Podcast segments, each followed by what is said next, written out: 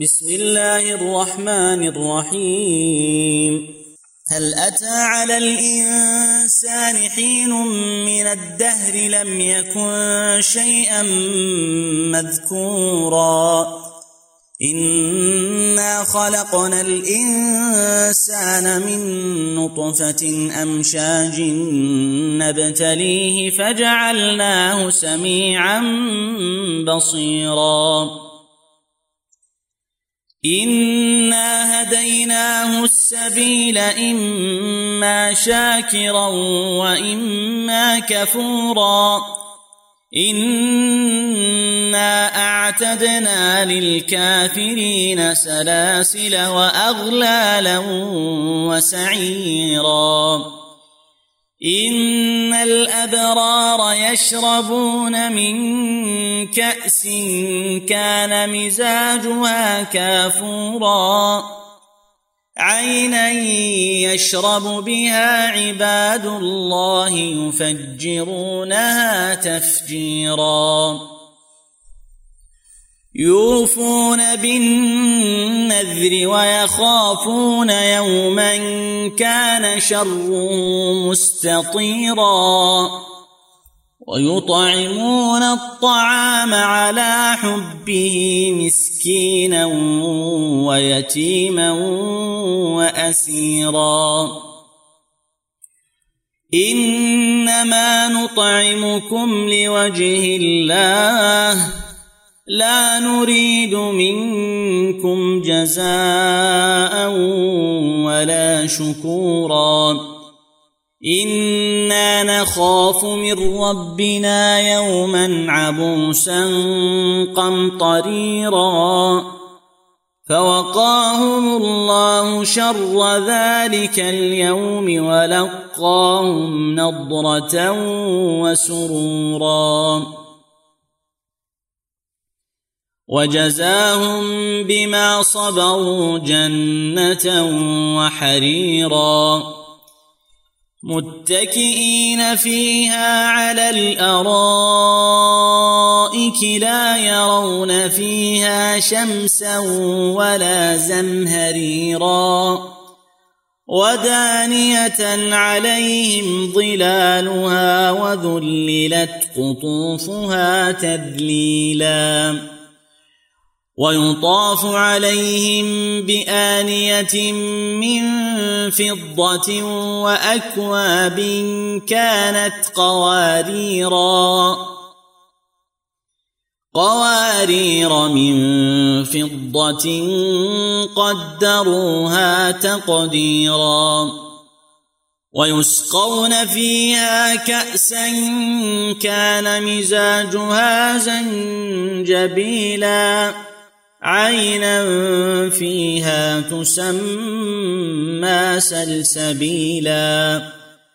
ويطوف عليهم ولدان مخلدون. إذا رأيتهم حسبتهم لؤلؤا منثورا. وإذا رأيت ثم رأيت نعيما وملكا كبيرا.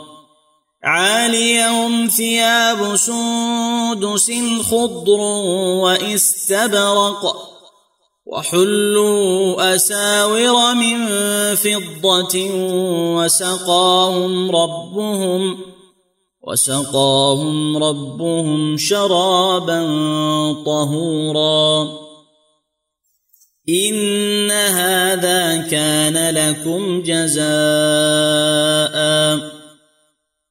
إن هذا كان لكم جزاء وكان سعيكم مشكورا.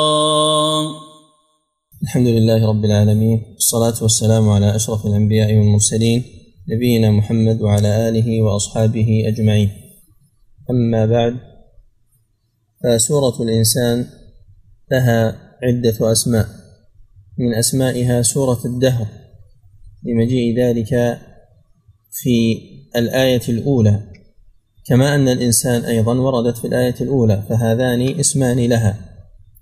ومن أسمائها سورة الأبرار وسورة الأمشاج وسورة هل أتى وسورة هل أتى على الإنسان. فهذه ستة أسماء أشهرها سورة الإنسان. وفي مكيتها أو مدنيتها خلاف. قال القرطبي مكية في قول ابن عباس ومقاتل والكلبي وقال الجمهور مدنية وقيل فيها مكي من قوله إنا نحن نزلنا عليك القرآن تنزيلا إلى آخر السورة وما تقدمه مدني. وهذه السورة تذكر الإنسان بأمر من المطلوب شرعا ومن المقصود أن يكون ذلك الأمر نصب عيننا دائما وهو مبدأ الإنسان. ومصير الإنسان إما إلى الجنة وإما إلى النار.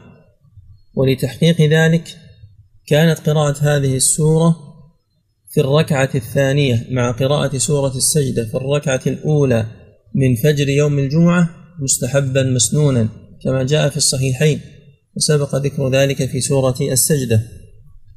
وهنا سؤال ما وجه الشبه بين سورة الإنسان وسورتي الرحمن والواقعة. نريد شبها دقيقا ليس مجرد ذكر أنه ذكر وذكر لا. وهذا المذكور على أي صفة كان. فهناك وجه شبه بين هذه السورة الثلاثة سورة الرحمن وسورة الواقع وسورة الإنسان. تأملوا وأتوا بالإجابة غدا.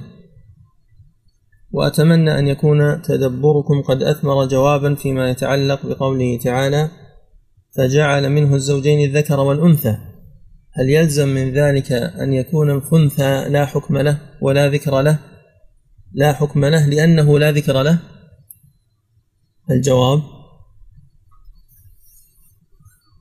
هل أحد منكم تأمل أو بحث؟ نعم أشار إلى ذلك القرطبي في تفسيره وابن العربي من قبله وقالوا بأن هذه الآية خرجت مخرج الغالب. خرجت مخرج الغالب لأن مجيء الخنثى أمر نادر. كم نسبة الخناثة بالنسبة للبشر؟ قليل فلذلك معرض الامتنان ومعرض التدبر يكون في الأمر الظاهر البارز الغالب المعتاد. وقد جاءت الآية على ذلك النحو. فليس فيه نفيا لوجوده ولا نفيا لأحكامه واعتباره في المواريث ولا في غيره. قال تعالى بسم الله الرحمن الرحيم. هل أتى على الإنسان حين من الدهر لم يكن شيئا مذكورا؟ تقدم قريبا أن الاستفهام حقيقة في الاستعلام أي طلب العلم ويأتي الاستفهام أحيانا بمعان أخرى منها التقرير وهذا منها. هل أتى على الإنسان؟ أي قد أتى على الإنسان حين من الدهر. ومن هو الإنسان؟ فيه قولان. القول الأول أنه جنس الإنسان كل البشر. فكل إنسان مسبوق بالعدم وقد أتى عليه حين لم يكن شيئا مذكورا ولم يكن إلا في علم الله عز وجل أن فلان سيخلق في الوقت الفلاني في المكان الفلاني على الهيئة الفلانية وأبوه فلان وأمه فلان. فهذا الإنسان الذي هذه صفته على ما يتكبر وعلى ما يعجب بما يصل إليه من العلم أو القدرة أو التقدم أو الملك أو القوة أو غير ذلك. الإنسان قد أتى عليه حين من الدهر لم يكن شيئا مذكورا أصلا. وهذا يوقف كل الناس عند حدهم لأن بعض الناس يصل به الغرور إلى إنكار وجود الخالق وإلى جحد المسلمات من هذا الدين. والمعنى الثاني هو ما ذهب إليه جمع كبير من المفسرين آه، كابن عباس وقتادة وعكرمة والسدي والثوري أن الإنسان هنا هو آدم. وأن الله عز وجل بدأ خلقه مما وصف من الصلصال والطين ثم تركه ما شاء من السنين. قيل أتى عليه مئة وعشرون وقيل مئة وستون عاما وهو على هذه الهيئة والشيطان يطيف به ويعلم أنه خلق لأمر عظيم خلقا لا يتمالك لأنه وجده أجوف. فهذا الحين من الدهر من حين تشكيله إلى حين خلقه وبعثه كان شيئا غير مذكور. وهنا يأتي البحث في لم يكن شيئا مذكورا. هل المراد لم يكن شيئا أصلا؟ أو المراد كان شيئا لكنه ليس بمذكور. وانبنى على ذلك بحث لأهل العلم؟ ذكره أبو العباس بن تيمية في غير ما مناسبة وأطنب في ذكر الأدلة عليه وهو هل المعدوم شيء أو ليس بشيء؟ هل المعدوم شيء أو ليس بشيء؟ ويتطرق الأصوليون لمثل ذلك في مبحث أعم العموم. عندما يأتون لمبحث العام ما هو أعم العموم؟ هل هو مذكور أو شيء أو معلوم؟ فهذه الآية استدل بها من يقول بأن المعدوم ليس بشيء لأنه قبل خلق الإنسان كان معدوما وقد وصفه بأنه لم يكن شيئا. وأصحاب القول الثاني الذين يقولون المعدوم شيء قالوا إن الله عز وجل قال إنما أمرنا لشيء إذا أردناه أن نقول له كن فيكون. فسماه شيئا قبل أن يكون له كن فيكون.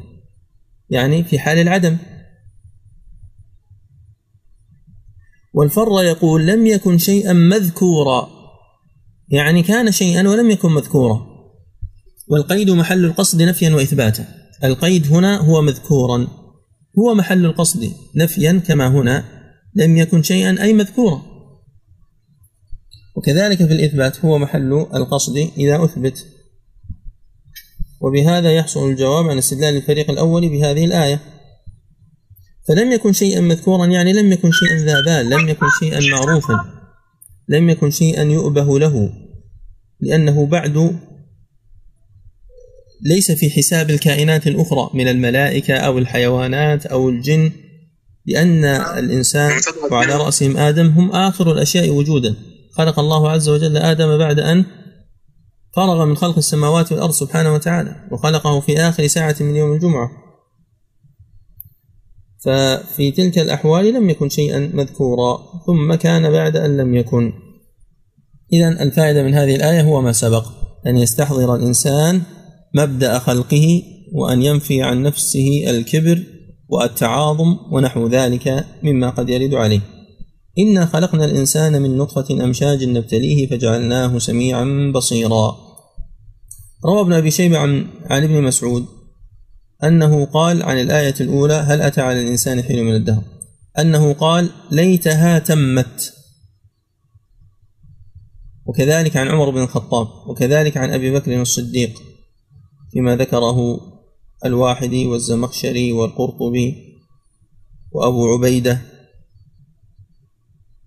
ما معنى ليتها تمت؟ يعني ليت الأمر كان على ما كان عليه لم يكن شيئا مذكورا فلا يلد ولا يبتلى ولا يحصل ما نحن فيه من التعرض للعذاب والحساب. وهذا من جنس قول مريم ليتني مت قبل هذا وكنت نسيا منسيا. قالت يا ليتني مت قبل هذا وكنت نسيا منسيا ونسيا منسيا. قراءة. مت مت نسيا نسيا. إنا خلقنا الإنسان الإنسان هنا هو آدم. عفوا الإنسان هنا هو ابن آدم. لماذا؟ لأنه قال إن خلقنا الإنسان من نطفة وآدم خلق من تراب ولم يخلق من نطفة. فالإنسان الأول وجد فيه خلاف على قولين والإنسان الثاني بالاتفاق أنه أولاد آدم. ونسل آدم عليه السلام. فخلقه الله من نطفة أي من مني وأصل النطفة هو الماء القليل اليسير. أمشاج نبتليه نطفة أمشاج. فإما أن يكون أمشاج بدل من نطفة وإما أن يكون نعت لها. يعني نطفة أمشاج. لأن كلمة أمشاج معناها أخلاط. أمشاج معناها أخلاط.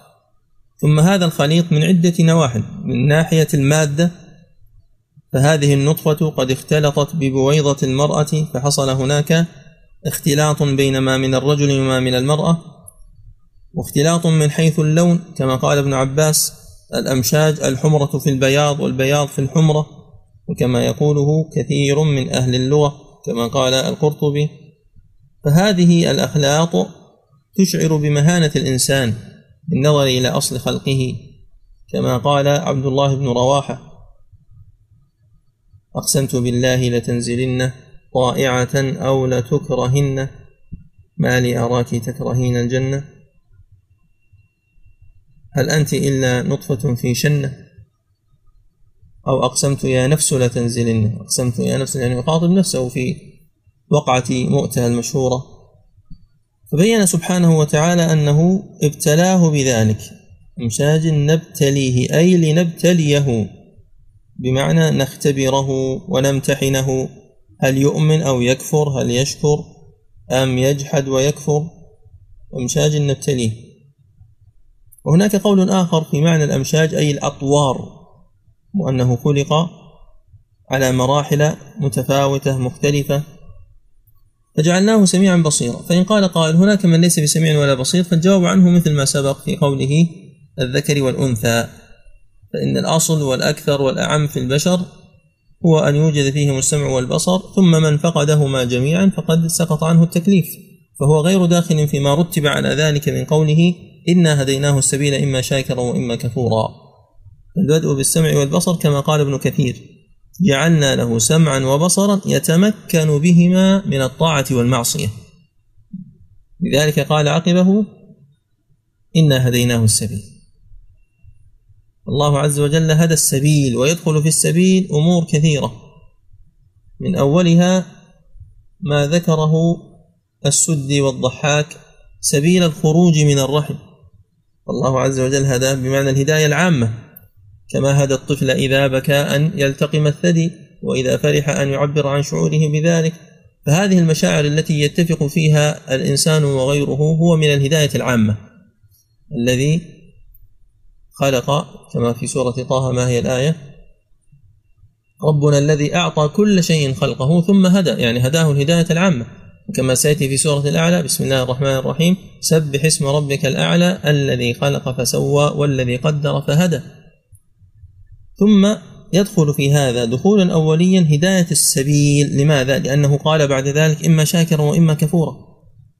هداية السبيل يعني بيان الطريق وبيان الحق وبيان الهدى من الضلال. ثم بعد ذلك تأتي إرادة الإنسان. فإما أن يسير على ما بين له من السبيل أي الطريق الحق فيكون شاكرا وإما أن يجحد ذلك فيكون كفورا. إما شاكرا وإما كفورا. طيب. هذا تتعدى بنفسها كما هنا هديناه السبيل وتتعدى بإلى وباللام هديته للسبيل وهديته إلى السبيل. وهنا وقفة مع قوله إما شاكرا وإما كفورا. ولا أدري هل نجعله سؤالا أيضا أو نأتي بالإجابة.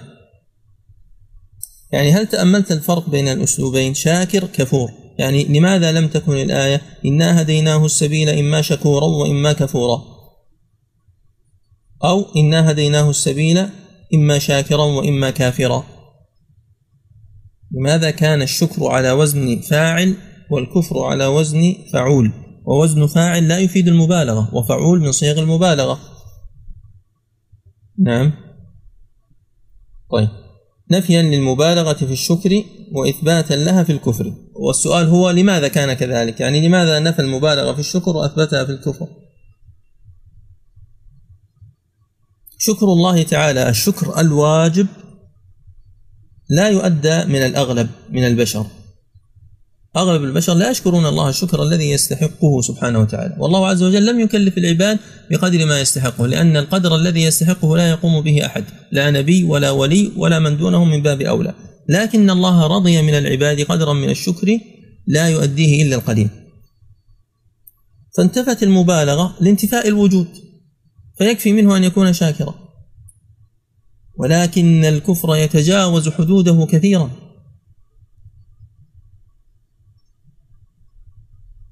والنعم على الإنسان كثيرة والشكر قليل ومع ذلك الكفر كثير.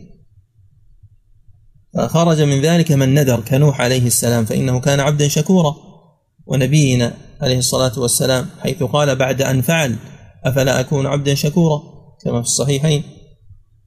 ودليل ندرتهم قوله تعالى وقليل من عبادي الشكور. إن لم يكن معناها الشاكر. قال تعالى إن في ذلك لآيات لكل صبار شكور. هذا دليل وجودهم. هناك صبار وشكور. أما هو سبحانه وتعالى فهو الشكور. لذلك جاء في أسمائه الحسنى إن الله غفور شكور. يعني كثير الشكر لعباده. يأتي الإنسان بحسنة فيضاعفها له إلى عشر حسنات. يتمادى الإنسان في العصيان ثم يتوب في آخر لحظة يتوب فيغفر له كل ما سبق.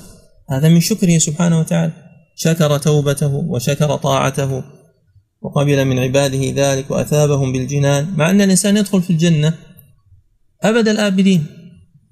ولو كان بالميزان لدخل الجنة بقدر ما عمل من الطاعات والإيمان.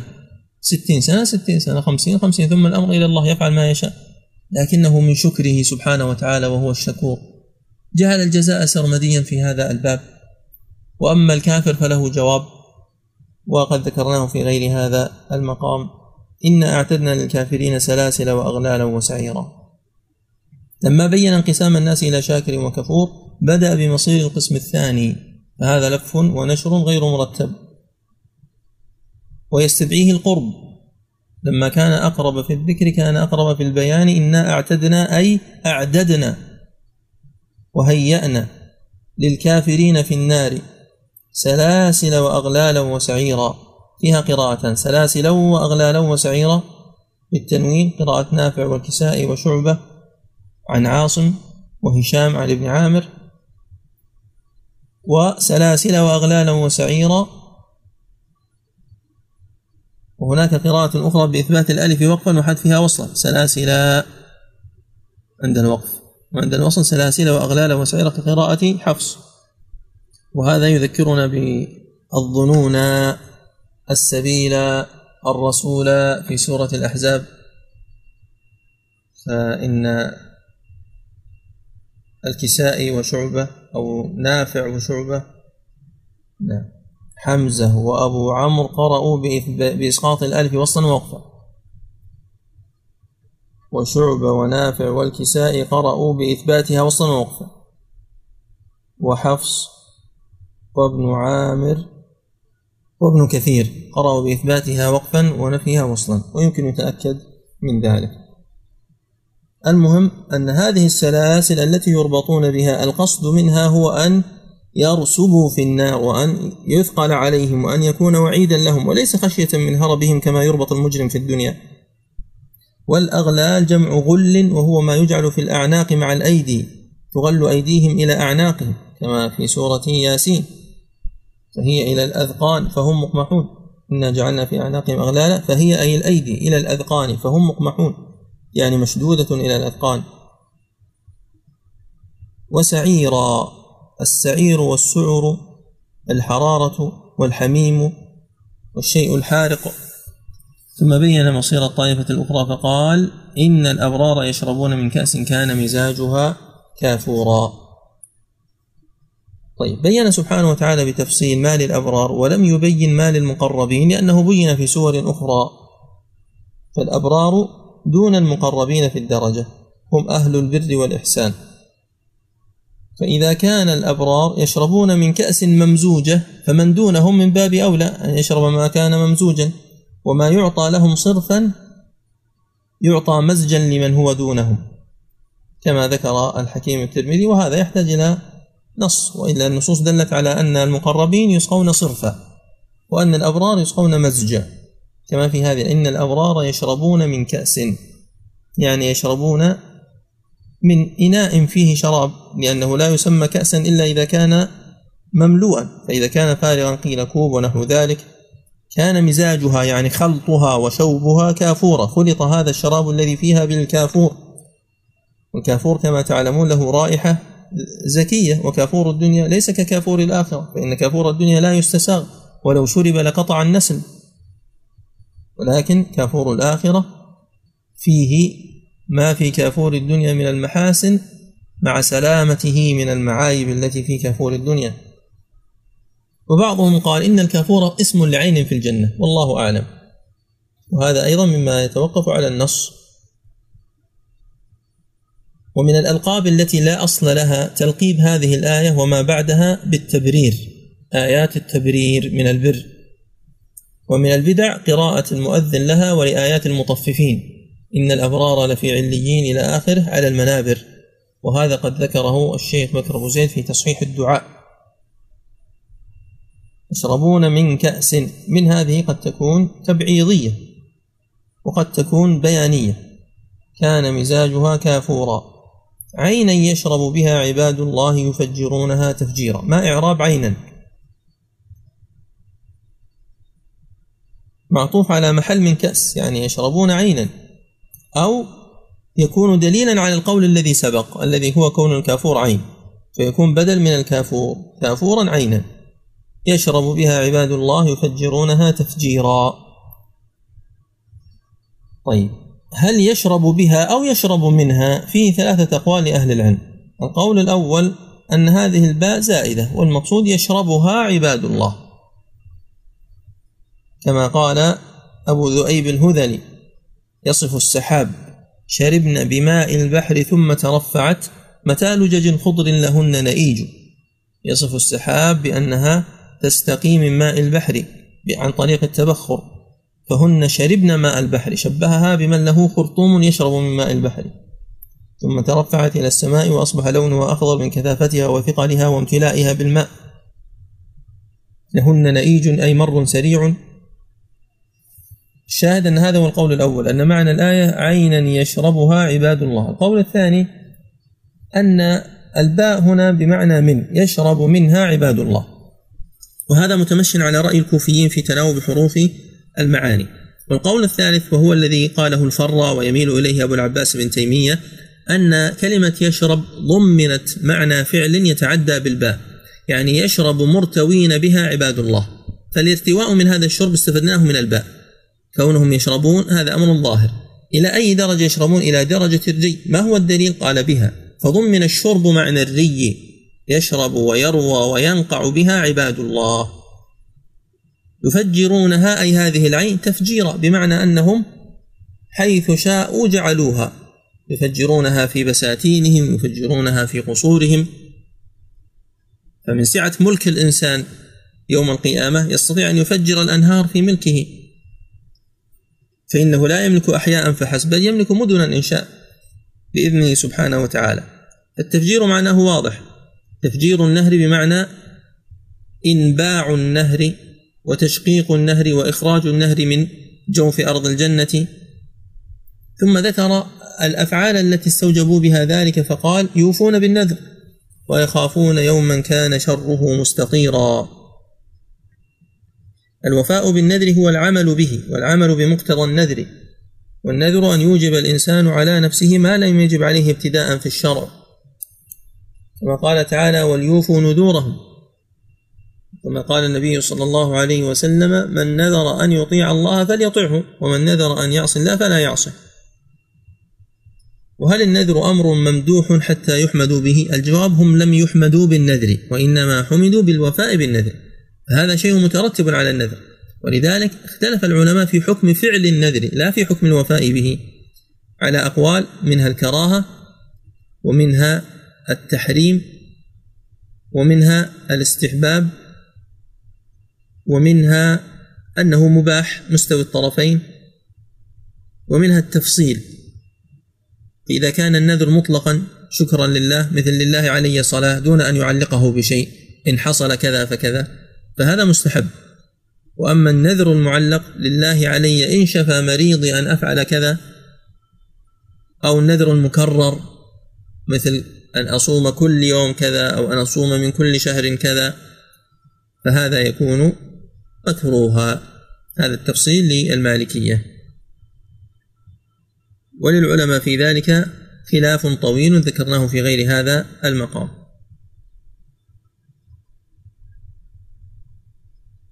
المهم أن الجمهور قالوا بالكراهة. الشافعية والحنابلة قالوا بالكراهة وكذلك ابن حزم وابن تيمية. فهذه ستة أقوال كراهة تحريم إباحة استحباب. آه ماذا أيضا؟ التفصيل إذا كان مطلقا فمستحب وإلا فمكروه. والسادس هو أنه محرم في حق بعض الناس وهو الذي يخاف عليه أن يعتقد أن الشيء لا يحصل إلا بالنذر. لذلك جاء في السنة أن النبي صلى الله عليه وسلم نهى عن النذر وقال إنه لا يأتي بخير وإنما يستخرج به من البخيل. البخيل الذي لا يريد أن يخرج المال صدقة وتطوعا ابتداء لله عز وجل يخرجه بسبب النذر. لذلك نهى عنه فكيف يكون مباحا وهو منهي عنه؟ فأدنى درجاته أن يكون مكروها. هذا فعل النذر. أما الوفاء به إذا وقع فهذا أمر محمود ممدوح ولذلك أثنى الله عز وجل به عليه. وهذا من الأشياء التي أشكلت على بعض أهل العلم. كيف يكون شيء مكروه وما يترتب عليه واجب أو أمر إيش؟ محمود يحمد صاحبه ويثنى عليه. نقول لا مانع من ذلك ابدا ولا إشكال وهذا مثاله. كإنسان يريد أن يصلي نافله لله عز وجل تطوع أو راتبه أو غير ذلك. هل نقول بما أن هذه الصلاة نافلة؟ اذا الوضوء لها نافلة.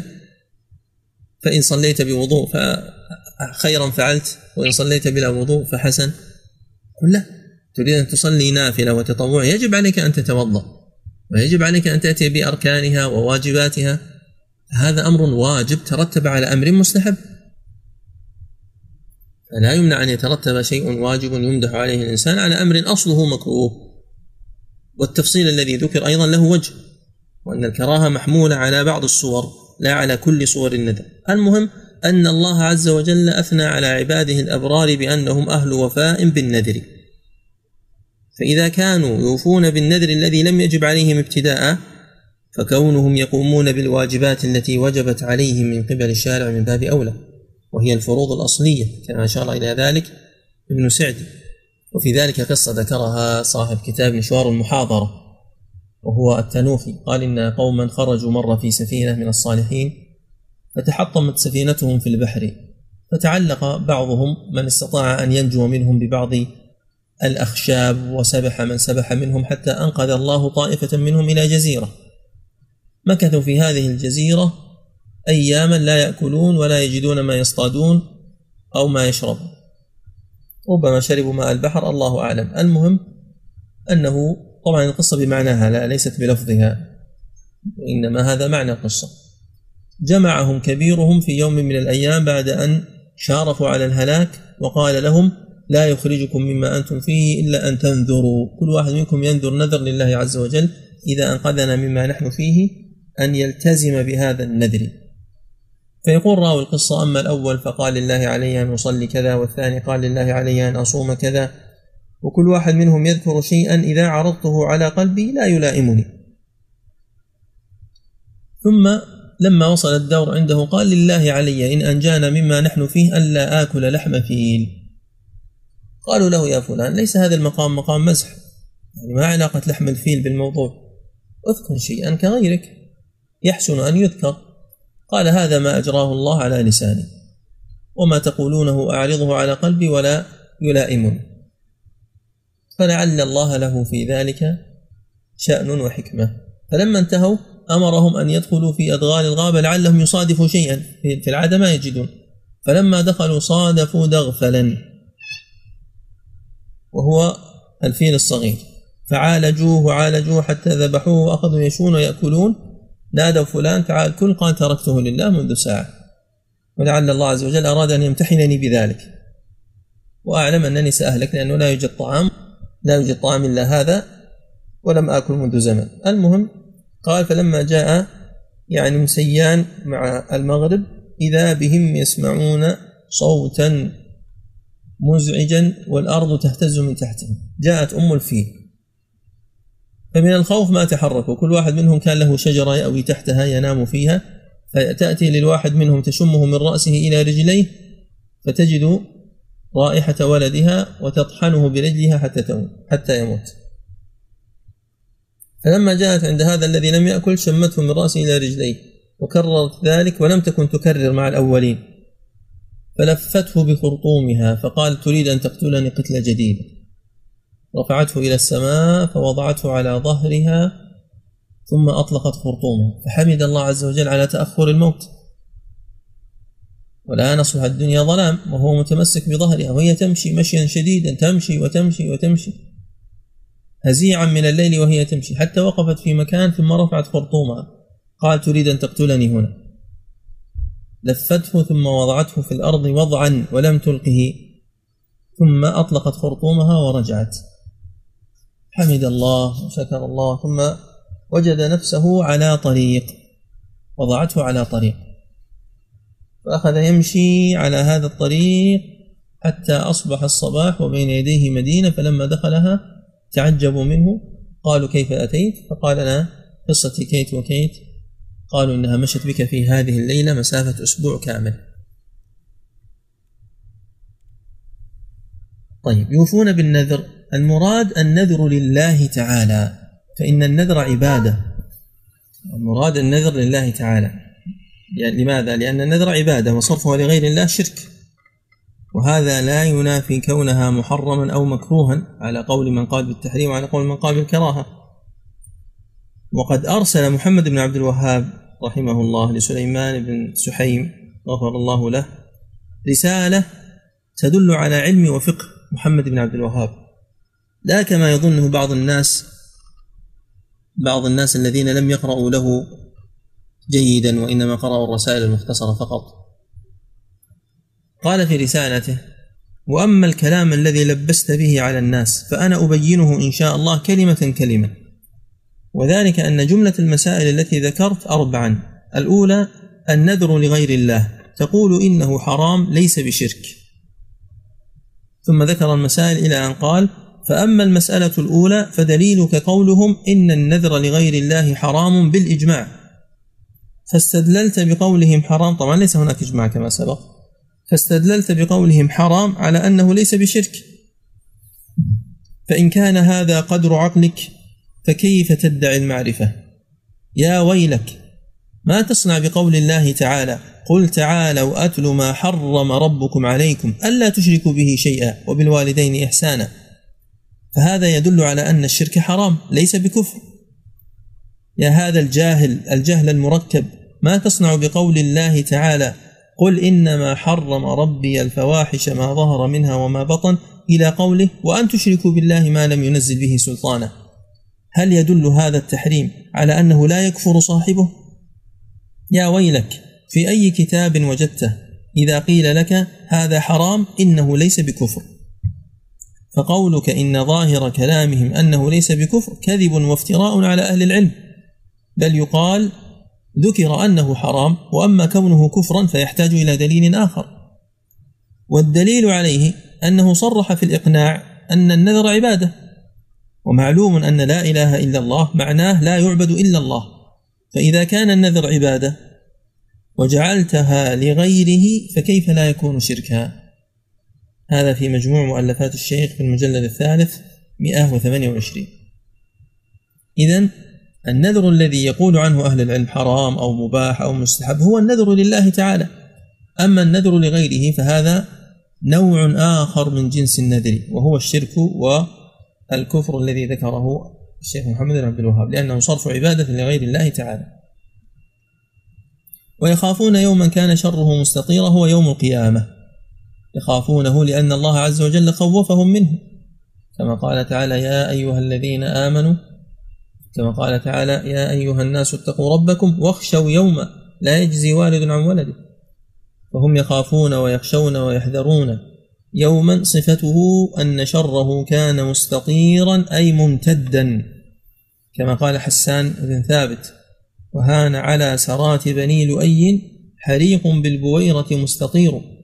وهذا البيت هو البيت الوحيد في كتاب المدونة. كتاب المدونة لسحنون ليس فيه من الشعر إلا هذا البيت. قال قتادة استطار والله شر ذلك اليوم حتى ملأ السماوات والأرض. وقال مقاتل كان شره فاشيا في السماوات فانشقت وتناثرت الكواكب وفزعت الملائكة وفي الأرض نسفت الجبال وغارت المياه. طيب كيف سمي ذلك شرا؟ الجواب لأنه فزع. قال تعالى من جاء بالحسنة فله خير منها وهم من فزع يومئذ آمنون. فذلك اليوم فيه فزع والفزع من الشر. وهو يوم مخوف ويوم مهول وفيه غضب. وفيه يغضب الله عز وجل غضبا لم يغضب قبله مثله ولن يغضب بعده مثله. إذا هذه صفتان الوفاء بالنذر والخوف من يوم القيامة ومن الحساب ومن الجزاء. الصفة الثالثة قال ويطعمون الطعام على حبه مسكينا ويتيما وأسيرا. يطعمون الطعام فيه أن إطعام الطعام شيء يحبه الله عز وجل سواء كان هذا الإطعام بإعطاء المال الذي يشترى به الطعام أن يتصدق الإنسان على المساكين والفقراء واليتامى ونحو ذلك أو بحفر الآبار أو أن يتصدق بالطعام الذي يؤكل مباشرة. ويوفر عليه مؤنة الشراء ومؤنة الذهاب والمجيء. يذهب ويشتري طعاما جاهزا ويمر على الناس الذين يعملون في الشوارع أو الذين لا يجدون أو يذهب إليهم في بيوتهم. فيعطيهم أو في مثل هذه الأيام الحارة يشتري الماء البارد فإن سقي الماء من أفضل القربات ويدخل أيضا في إطعام الطعام كما في سورة البقرة. من لم يطعمه فإنه مني. عود الضمير في ثلاثة أقوال. يطعمون الطعام على حبه. على حب ماذا؟ أولا على حب الله عز وجل. ثانيا يطعمون الطعام على حبهم لذلك الطعام. يعني هم محتاجون له لكونه قليلا أو لكونه من النوع الذي يحبونه ويشتهونه ومع ذلك يؤثرون غيرهم به ويؤثرون على أنفسهم. جاء عن الربيع بن خثيم كما في مصنف ابن أبي شيبة وعن عمر بن عبد العزيز أيضا أنهم كانوا إذا جاء السائل يطعمونه من السكر ويقولون إن الربيع يحب السكر فيطعم من الجنس الذي هو يحبه. وأيضا ذكرنا من قبل أنه طلب من أهله أن يصنعوا له خبيصا كما ذكره كما روى ابن أبي شيبة في موضعين من المصنف والخبيص نوع فاخر من الطعام فتعبوا فيه ووضعوا فيه من الأنواع والأصناف والأشكال فدعا شخص في رأسه خبل وأخذ يلقمه ولعابه يسيل فلما خرج قال له أهله تعبنا فيه وفعلنا والله ما يدري هذا ما أكل. فقال لهم الربيع لكن الله يدري. والقول الثالث أن الضمير راجع إلى الفعل ويطعمون الطعام على حبهم إطعام الطعام. فهم لا يكرهون هذه الطاعة ولا يفعلونها قصرا وإنما يفعلون العبادة مع محبة وإقبال. ليسوا كالمنافقين إذا قاموا إلى الصلاة قاموا كسالى. ما نكمل الآية؟ نعم الحفاظ اللي معنا وين راح؟ شيخ عبد الله. ولا ينفقون إلا وهم كارهون. يطعمون الطعام من؟ أولا مسكينا ثانيا يتيما ثالثا أسيرا. لا يشترط الجمع لأن الواو هنا بمعنى أو يعني يطعمون الطعام المستحق عموما. فالمسكين هو الفقير واليتيم الذي مات أبويه أو والده والأسير فيه أقوال. القول الأول وهو الذي يدخل فيه دخولا أوليا الأسير من أهل الشرك كما قاله ابن عباس وقتادة وسعيد بن جبير. قال قتادة لقد أمر الله بالأسرى أن يحسن إليهم. وإن أسراهم يومئذ لأهل الشرك وأخوك المسلم أحق أن تطعمه. فهذا المأسور يطعم قربة لله عز وجل وإحياء لنفسه ولأنه لا بد أن يأكل. حتى مع كونه كافرا يجوز أن يتصدق عليه. لذلك عندنا في حديث أسماء إن أمي جاءت وهي راغبة فأصلها قالت صلي أمك. كما في صحيح مسلم وأمها كانت مشركة إذ ذاك وأمها كانت مشركة. والقول الثاني أن المراد بذلك المسجون الأسير المسلم المحبوس بحق كالغريم مثلا.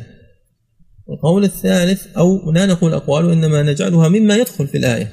يدخل في هذه الآية ثالثا الزوجة فإنها مأسورة عند زوجها.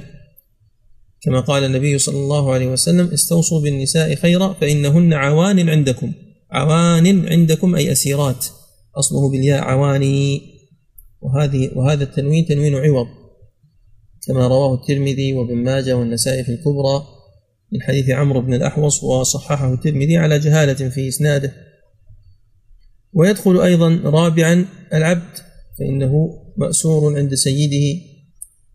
ويدخل في ذلك أيضا صور أخرى المقصود هو أنهم يتصدقون. إنما نطعمكم لوجه الله لا نريد منكم جزاء ولا ولا شكورا. إما أن يكون ذلك مما يقولونه بألسنتهم وإما أن يكون ذلك لسان حالهم كما قال مجاهد بن عباس أنهم ما تكلموا ولكن علمه الله منهم وكان ذلك في نياتهم فأثنى عليهم بذلك. وعلى القول الأول بأن هذا يقولونه بألسنتهم فهذا ليس من الأذكار التي تشرع عند الصدقة أن يقول الإنسان ذلك أو يبكت المسكين بإسماعه لهذه الكلمات مثلا لا. وإنما هذا قول جائز مشروع. نطعمكم لوجه الله يعني ابتغاء مرضات الله. لا نريد منكم جزاء أي مقابلا ومكافأة وعوضا كما يفعل بعض الناس إذا أهدى شخص ينتظر منه أن يردها له. وإذا دفع في مشروع أو في عزاء أو في عرس ينتظر إذا حصل له مثل ذلك أن يدفع له مثل ما دفع. وهذه عادة في بعض المجتمعات لكنها ليست بصحيحة. يدفع الإنسان قربة لله عز وجل يطلب الأجر من الله. إن ردت قبلت وإن لم ترد فلا ينتظر وللفقهاء في ذلك كلام شديد ذكرناه في باب الهبة وفي غيره من المناسبات. يراجع ويعاود في كتاب المدخل لابن الحاج ونقله أيضا صاحب مواهب الجليل. ولا شكورا يعني حتى الثناء والكلام الحسن لا ننتظره منكم لأننا فعلنا ذلك ابتغاء مرضات الله عز وجل. وقد ذكر في هذه الآيات أسباب نزول لا أظنه يصح منها شيء. إما أن يكون في إسناده رجل مجهول وإما أن يكون خبر مكذوب وإما أن يكون شيء لا أعلم أنه يصح. المهم أنه مما ذكر في هذا خبر عن علي وإنما أذكره حتى تعلم إذا طرق سمعك في المستقبل أنه خبر مكذوب وليس بصحيح أن علي رضي الله عنه مرض ابنه الحسن والحسين فأعاده بعض الصحابة وقالوا له انذر فنذر هو ومولاته وفاطمة عليه السلام والولدين صيام ثلاثة أيام فذهب وأحضر ثلاثة آصع وجهز. فلما جاء وقت الفطور من اليوم الأول تصدق بالصاع الأول بعد أن عجن وطبخ. وكان الذي قد جاء مسكينا وفي اليوم الثاني مثل ذلك مع اليتيم وفي اليوم الثالث مثل ذلك مع الأسير وفي ضمن ذلك أبيات وأشعار. تقولها يقولها علي وتقوله فاطمة وفي بعض الروايات يقوله المسكين. ثم ذهب إلى النبي صلى الله عليه وسلم في اليوم الثالث ومعه الحسن والحسين. قال يا أبا الحسن ما أشد ما يسوءني ما أرى بك انطلق بنا إلى ابنة فاطمة. فرأى فيها جوعا شديدا قال وغوثاه يا الله أهل بيت محمد يموتون جوعا. المهم أن هذا الخبر على طوله مكذوب ومما يذكر فيشكر تنبه جمع من المفسرين والعلماء المتقدمين لهذه القصة الموضوعة. وعدم نقلهم ساكتين عليها. وليتهم استصحبوا ذلك فيما يشبه ذلك. يعني في أشباهها من القصص التي نقلوها وسكتوا عنها. وقد ذكرها النقاش والثعلبي والقشيري وممن نبه على ضعفها آه، الحكيم الحكيم الترمذي صاحب نوادر الأصول وكذلك القرطبي. قال إنه لا يصح ولا يثبت ونقل كلام الحكيم الترمذي. وكذلك صاحب البحر المحيط الأندلسي قال ذكر النقاش في ذلك حكاية طويلة جدا ظاهرة الاختلاق وفيها أشعار للمسكين واليتيم والأسير يخاطبون بها بيت النبوة وأشعار لفاطمة رضي الله عنها تخاطب كل واحد منهم ظاهرها الاختلاق لسفساف ألفاظها وكسر أبياتها وسفاطة معانيها. هذا نقد من حيث المتن. وما أحراه أن ينقد من حيث المتن وأما من حيث الإسناد فالذي أظهره القرطبي فيه ليث بن أبي سليم وهو ضعيف وفيه جابر الجعفي وهو أشد ضعفا. ولكن العلة ليست منهما العلة ممن دونهما. الثعلبي هو الذي ساقه بالإسناد. الوضاع الذي ركب هذا الإسناد وبنى هذه القصة هو المتهم بذلك. المهم كلام الحكيم الترمذي فيه فوائد لذلك سأذكره لكم. قال هذا حديث مزوق مزيف. وأنت تلاحظ أن الحكيم الترمذي كثيرا ما يذكر أشياء فيها ضعف ووضع ولكن هذه لم يسكت عنها لشدة ضعفها. قال هذا حديث مزوق مزيف قد تطرف فيه صاحبه حتى تشبه على المستمعين. فالجاهل بهذا الحديث يعض شفتيه تلهفا أن لا يكون بهذه الصفة. ولا يعلم أن صاحب هذا الفعل مذموم. وقد قال الله تعالى في تنزيله ويسألونك ماذا ينفقون؟ قل العفو. وهو الفضل الذي يفضل عن نفسك وعيالك. وجرت الأخبار عن رسول الله صلى الله عليه وسلم متواترة بأن خير الصدقة ما كان عن ظهر غنى. وابدأ بنفسك ثم بمن تعول. وافترض الله على الأزواج نفقة أهاليهم وأولادهم. وقال صلى الله عليه وسلم كفى بالمرء إثما أن يضيع من يقوت. وعرفنا أن هذا الحديث آه، أصله في مسلم بلفظ آخر وهذا لفظ في السنن والمسند بإسناد صحيح. أفيحسب عاقل أن عليا جهل هذا الأمر حتى أجهد صبيانا صغارا من أبناء خمس أو ست على جوع ثلاثة أيام ولياليهن حتى تضوروا من الجوع وغارت العيون منهم لخلاء أجوافهم حتى أبكى رسول الله صلى الله عليه وسلم ما بهم من الجهد. هب أنه آثر على نفسه هذا السائل فهل يجوز له أن يحمل أهله على ذلك؟ وهب أن أهله سمحت بذلك لعلي. فهل جاز له أن يحمل أطفاله جوع ثلاثة أيام ولياليهن؟ ما يروج مثل هذا إلا على حمقى جهال. أبى الله لقلوب متنبهة أن تظن بعلي مثل هذا. وليت شعري من حفظ هذه الأبيات كل ليلة عن علي وفاطمة؟ أبيات طويلة. يقول من اللي جالس كل ليلة يحفظ هذه الأبيات عن علي وفاطمة؟ وإجابة كل واحد منهما صاحبة حتى أداها إلى هؤلاء الرواة. فهذا وأشباهه من أحاديث أهل السجون فيما أرى. بلغني أن قوما يخلدون في السجون فيبقون بلا حيلة فيكتبون أحاديث في السمر وأشباهه مثل هذه الأحاديث مفتعلة فإذا صارت إلى الجهابذة رموا بها وزيفوها. وما من شيء إلا وله آفة ومكيدة وآفة الدين وكيده أكثر. وعلي رضي الله عنه مستغن عن أن يثنى عليه بالكذب. قال تعالى إنا نخاف من ربنا يوما عبوسا قمطريرا. أي أن هذا من قول الأبرار يقولون إنا نخاف من ربنا سبحانه وتعالى يوما هو يوم القيامة صفته أنه عبوس أي كالح وفيه عبس. الأصل في الإنسان أنه يعبس بوجهه أي يقطب جبينه. وكذلك القمطرير هو الشديد. القمطرير هو الشديد فيوما عبوسا قمطريرا أي أنه يوم صعب شديد.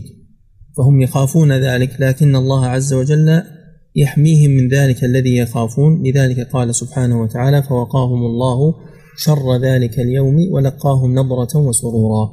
وقاهم أي حفظهم من شر ذلك اليوم. ودفع عنهم شر ذلك اليوم العبوس القمطرير ولقاهم أي أعطاهم وآتاهم حين لقوه ورأوه نضرة وسرورا أي حسنا وسعادة وفرحا وحبورا وجزاهم بما صبروا جنة وحريرا. جزاهم الله عز وجل مقابل صبرهم. فالباء هنا للسببية يعني بسبب صبرهم وتعويضا عن صبرهم. على الأقدار المؤلمة وصبرهم على الطاعات وصبرهم عن المعاصي والملذات المحرمات. جزاهم جنة أدخلوها وحريرا ألبسوه لابن تيمية هنا وقفة جميلة يمكن أن تراجع. قال تعالى متكئين فيها على الأرائك لا يرون فيها شمسا ولا زمهريرا. متكئين نصبت قولا واحدا لكن فيها ثلاثة أوجه من الإعراب. الوجه الأول أنها حال من المفعول به في جزاهم. جزاهم متكئين. فحينئذ تكون حالا مقدرة. جزاهم متكئين وليس صبر متكئين. القول الثاني أنها تبع للجنة. الجنة منصوبة وهذه تبع عنها. فهذا التبع ما أدري هل هو بدل أو نعت. هذا قول الفر ويشكل عليه أن متكئين جمع مذكر وجنة مفرد مؤنث. القول الثالث أنه حال من فاعل مقدر وجزاهم بما صبروا جنة أدخلوها وحريرا ألبسوه متكئين فهو حال من الواو المقدر كما ذكر المحلي وهذا الوجه جيد. فهذا الاتكاء سواء كان على الظهر أو اليمين أو الشمال كما يشاءون فيها أي في تلك الجنة على الأرائك أي السرر في الحجال. السرر في الحجال يعني مثل القبة التي تزينهم. لا يرون فيها هذه الجملة أيضا حالية يعني غير رائين فيها أي في الجنة شمسا ذات حرارة ولا زمهريرا وفي الزمهرير قولان القول الأول أنه البرد الشديد كما جاء في الصحيحين من حديث أبي هريرة أن النبي صلى الله عليه وسلم قال اشتكت النار إلى ربها عز وجل. قالت يا رب أكل بعضي بعضا. فجعل لها نفسين نفسا في الشتاء ونفسا في الصيف. فأشد ما تجدون من البرد من زمهرير جهنم وأشد ما تجدون من الحر من وأشد ما تجدون من الحر من سمومها. فهذا يؤيد أن الزمهرير البرد فيكون الشمس عبر بها عن مقتضاها وما هو من لازمها من شدة الحرارة فهم لا يجدون في الجنة حرا ولا بردا يؤذيهم. فالجو فيه معتدل. القول الثاني أن الزمهرير القمر كما قال ثعلب أحمد بن يحيى الكوفي الزمهرير القمر بلغة طي قال شاعرهم وليلة ظلامها قد اعتكر قطعتها والزمهرير ما ظهر. والمعنى هي أي الجنة مضيئة ولكن لا يرون فيها شمسا ولا قمرا. وهذه جملة حالية كما سبق يعني غير رائين فيها شمسا ولا زمهريرا كما قال الزمخشري. ودانية عليهم ظلالها وذللت قطوفها تذليلا. ودانية أيضا حال لكن الحال يعني حال معطوف على حال. الحال الأولى مفردة متكئين. والحالة الثانية جملة لا يرون. والحالة الثالثة مفردة أيضا. وهذا أفضل الإعرابات. أو عطفا على محل يرون. أو أو عطفا على نعم. المؤدى واحد هناك أوجه أخرى لكن كونها حال معطوفة على الأحوال السابقة هذا هو الأسلم. وكونها دانية أي قريبة فما هو هذا القرب؟ هو قرب الظلال. دانية عليهم ظلالها يعني أن في الجنة ظلالا وإن لم يكن فيها شمسا فإذا كان الإنسان تحت شيء فهو في ظله فهم في ظل أشجارهم وفي ظل قصورهم. وإن كان لا يوجد شيء يستكنون منه من حر أو شر وذللت قطوفها تذليلا.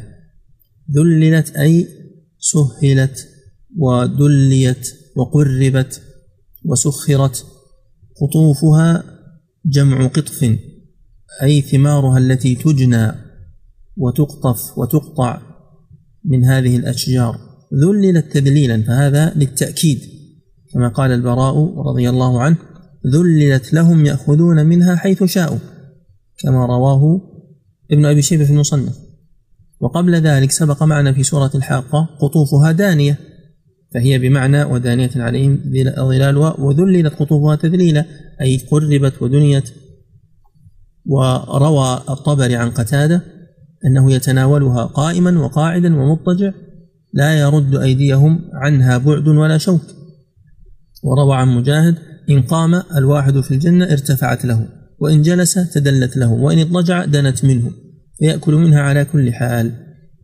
وأيضا ذكر الواحد عن ابن عباس إذا هم أن يتناول من ثمارها تدلت إليه حتى يتناول منها ما يريد حتى يتناول منها ما يريد. ويطاف عليهم بآنية من فضة وأكواب كانت قواريرا. يطاف أن يدار عليهم بآنية من فضة. هل المراد بالآنية المعنى اللغوي الخاص وهو ما لا عرى له من الأواني؟ أو مطلق ذلك سواء كان بعراء أو بغير عراء الأمر محتمل وكلاهما في الجنة بإذن الله. ولكن تكلم عن مادتها فقال من فضة.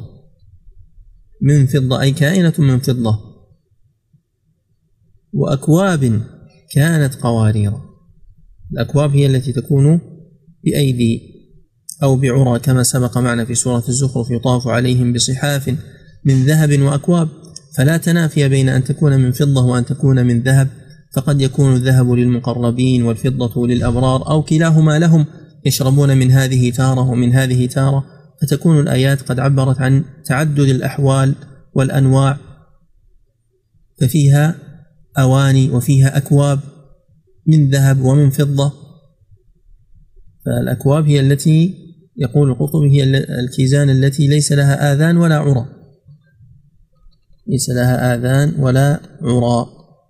فلعل الآنية اسم جنس يجمعها يجمع الكيزان والأكواب وغير ذلك. طيب كانت قوارير. يعني هل استوقفك كلمة كانت هنا؟ ما الفائدة من عبارة كانت؟ يعني هل هي كانت قوارير ثم أصبحت أكواب؟ أو لماذا جاءت هذه الكلمة؟ الجواب عن ذلك أنها كانت من التكوين أي أنها كونت بكن. وقد أشار إلى ذلك ممن وقفت عليه من المفسرين الزمخشري وأبو حيان الأندلسي. قال الزمخشري فإن قلت ما معنى كانت؟ قلت هو من يكون في قوله كن فيكون. أي كونت قواريرا بتكوين الله تفخيما لتلك الخلقة العجيبة الشأن الجامعة بين صفتي الجوهرين المتباينين. ما المقصود بالجوهرين المتباينين؟ القوارير لا تكون إلا من زجاج فلا يفهم الإنسان في الدنيا قارورة إلا من زجاج فتكون شفافة ولكن القوارير في الجنة من فضة. ولذلك قال ابن عباس ليس في الجنة شيء إلا قد أعطيتم في الدنيا شبهه إلا القوارير من فضة. يعني قارورة ومن فضة أيضا هذا لا يكون إلا في الجنة لأن الفضة في الدنيا تحجب ما وراءها ولكنها الفضة في الدنيا تحجب ما وراءها ولكنها في الجنة ليست كذلك. ويقول الأندلسي من فضة أي مخلوقة من فضة. ومعنى كانت أنه أوجدها تعالى من قوله كن فيكون. تفخيما لتلك الخلقة العجيبة الشأن الجامعة بين بياض الفضة ونصوعها وشفيف القوارير وصفائها. ومن ذلك قوله كان مزاجها كافورا كانت قوارير قوارير من فضة.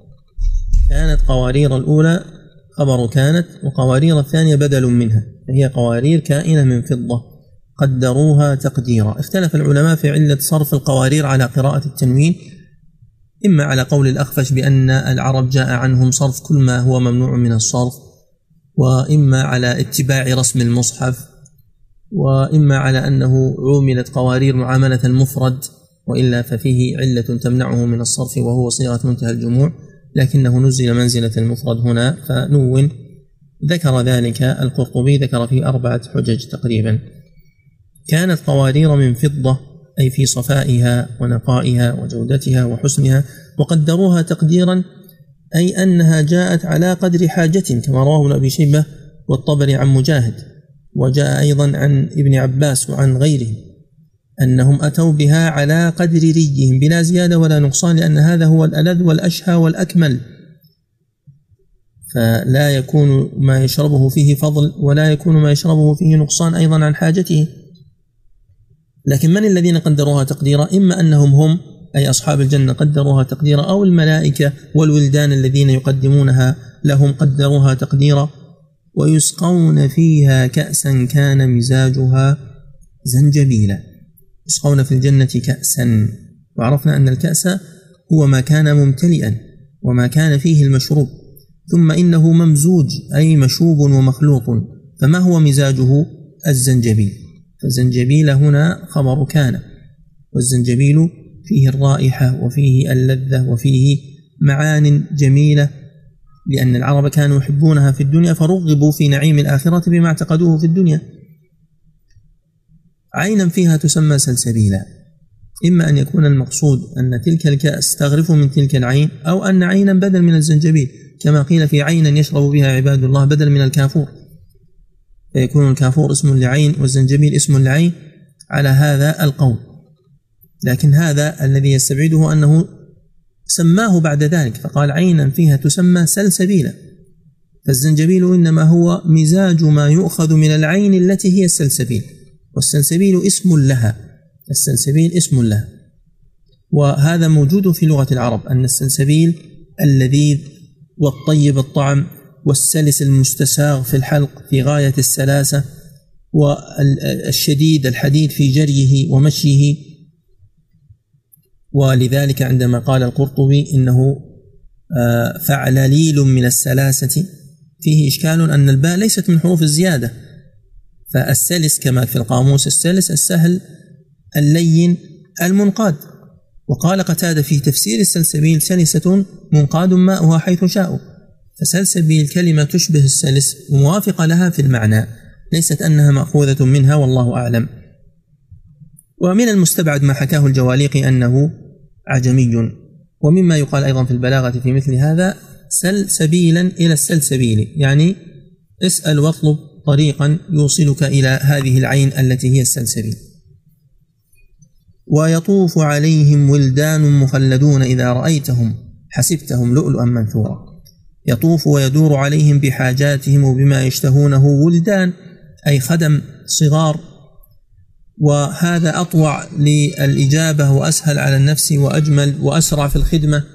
ثم وصفهم بأنهم مخلدون لا يموتون وبأنهم مخلدون لا يتغير حسنهم وشبابهم وبأنهم مخلدون أي محلون لأن التخليد التحلية. فهذه ثلاثة معان تدخل في قوله مخلدون إذا رأيتهم أيها الناظر أيها المخاطب حسبتهم وظننتهم من صفائهم وحسنهم وكثرتهم وجمالهم لؤلؤا منثورا أي لؤلؤا متفرقا.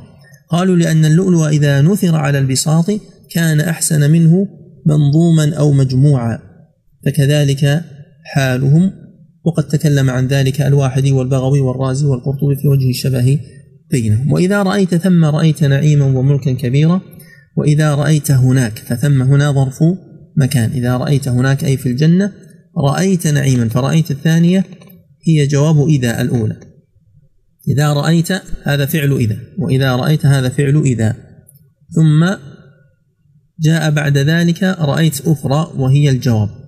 يعني ماذا ترى إذا رأيت رأيت نعيما ورأيت ملكا كبيرا وكل ما يخطر على البال وما لا يخطر على البال يدخل في الملك الكبير دون تعيين. يعني مثلا عندنا حديث وإن كان في إسناده ضعف حديث رواه الترمذي من رواية ثوير بن أبي فاخته عن ابن عمر. قال قال رسول الله صلى الله عليه وسلم إن أدنى أهل الجنة منزلة لمن ينظر إلى جنانه وأزواجه وخدمه وسرره مسيرة ألف سنة. وأكرمهم على الله من ينظر إلى وجهه غدوة وعشية. ثم قرأ رسول الله صلى الله عليه وسلم وجوه يومئذ ناظرة إلى ربها ناظرة. وثوير معروف بالضعف. عاليهم ثياب سندس خضر قراءة الجمهور. وعلى هذه القراءة تكون عاليهم بمعنى فوقهم وبمعنى عليهم. ثياب سندس خضر واستبرق وحلوا أساور من فضة وسقاهم ربهم شرابا طهورا. وعلى قراءة نافع وحمزة عاليهم بالسكون. فتوجيه هذه القراءة أنها حال حال منهم وليس حال من الولدان. عليهم ثياب سندس خضر. هذه فيها أربعة أوجه من القراءات. عليهم ثياب سندس خضر واستبرق بجر الجميع. عاليهم أو عليهم ثياب سندس. طيب نبدأ من ثياب حتى خرجنا من عاليهم وعليهم. ثياب سندس خضر واستبرق بالعطف للجميع والجر للجميع يكون آه، سندس مضاف إلى ثياب وخضر نعت للسندس. واستبرق معطوف على السندس يعني وثياب استبرق طيب الرفع كيف سيكون؟ عاليهم ثياب سندس خضر واستبرق. فسندس مضاف لثياب وخضر نعت للثياب واستبرق معطوف على الثياب. هذان وجهان. طيب بقيت قراءة ابن عامر وأبي عمرو. عاليهم ثياب سندس. خضر واستبرق. فاستبرق هنا يكون معطوف على السندس وخضر يكون نعت للثياب. بقيت قراءة أخرى ما هي؟ قراءة نافع وحفص واضحة كما بين أيديكم. ثياب سندس خضر واستبرق. فتكون استبرق معطوفة على الثياب وخضر نعت للثياب. ثم بعد هذا وذاك ما هي السندس؟ ما هو السندس وما هو الاستبرق؟ السندس ما رق من الديباج. قال في القاموس ضرب من رقيق الديباج. معرب بلا خلاف. وقال السيوطي قال الجواليقي هو رقيق الديباج بالفارسية. وقال الليث لم يختلف أهل اللغة والمفسرون أنه معرب. وقال شيذلة هو بالهندية. هذا في الإتقان. في حاشية القاموس لا أدري من الذي كتبها أن الشافعي يقول بعربيتها لكن هذه مسألة قديمة معروفة. هل ما في القرآن معرب أو كله عربي. وأما الاستبرق فهو ما غلظ من الديباج وحلوا من التحلية. حلاهم الله عز وجل وحلاهم الخدم والملائكة. أساور ما تلبس في السواعد من فضة. هي كانت محرمة في الدنيا لكنها في الآخرة مباحة. وقال تعالى يحلون فيها من أساور من ذهب يحلون فيها من أساور من ذهب ولؤلؤة. كما في الحج وفي فاطر فهذا محمول على أنهم يحلون من هذه تارة ومن هذه تارة وأن هذا راجع إليهم أو على ما سبق طائفة من أهل الجنة يحلون بالفضة وطائفة يحلون بالذهب وكل يعجبه ما يحلى به وسقاهم ربهم شرابا طهورا أي أن الله عز وجل سقاهم من خمر الجنة التي وصفت بالطهارة لا بالخبث والنجاسة واستدل بهذه الآية على نجاسة خمر الدنيا فخمر الآخرة لا فيها غول ولا هم عنها ينزفون. إن هذا كان لكم جزاء وكان سعيكم مشكورا. إن هذا الذي وصف كان لكم معشر الأبرار جزاء على أعمالكم وإن كانت الأعمال لا تبلغ هذا الجزاء لكن الله عز وجل جعلها سببا له. فالحقيقة ففي الحقيقة هي برحمته سبحانه وتعالى. وكان سعيكم أي عملكم مشكورا من الله عز وجل. بمعنى أنه قبله وأثنى عليكم به وأثابكم والله عز وجل شكور ولذلك شكر سعيكم وإن سعيكم لشتى يا معشر البشر فهؤلاء كان سعيهم على هذه الصفة. بقيت مسألة نختم بها وهي نبتليه. سبق معنا في قوله تعالى أمشاج نبتليه فجعلناه سميعا بصيرا. أن هذا على ما سبق تفسيره بلا تقديم ولا تأخير وأن جملة نبتليه حال مقدرة. وهذا الذي ذهب إليه ابن جرير والسمرقندي وابن أبي زمنين ومكي والسمعاني والبيضاوي والنسفي وابن جزي وأبو حيان وابن كثير والمحلي وأبو السعود والألوسي. هناك قول آخر هو أن في الآية تقديما وتأخيرا وأن التقدير فجعلناه سميعا بصيرا لنبتليه. الابتلاء متعلق بما بعده لا بما قبله. ووجه هذا القول بأن الابتلاء يكون بعد تمام الخلقة والسمع والبصر أثر. السمع والبصر يترتب عليهما الابتلاء. وهذا ما ذهب إليه مقاتل بن سليمان والفرة وابن قتيبة والزجاج والواحد وابن الجوزي. والأرجح هو القول الأول. صلى الله وسلم على نبينا محمد وعلى آله وصحبه أجمعين.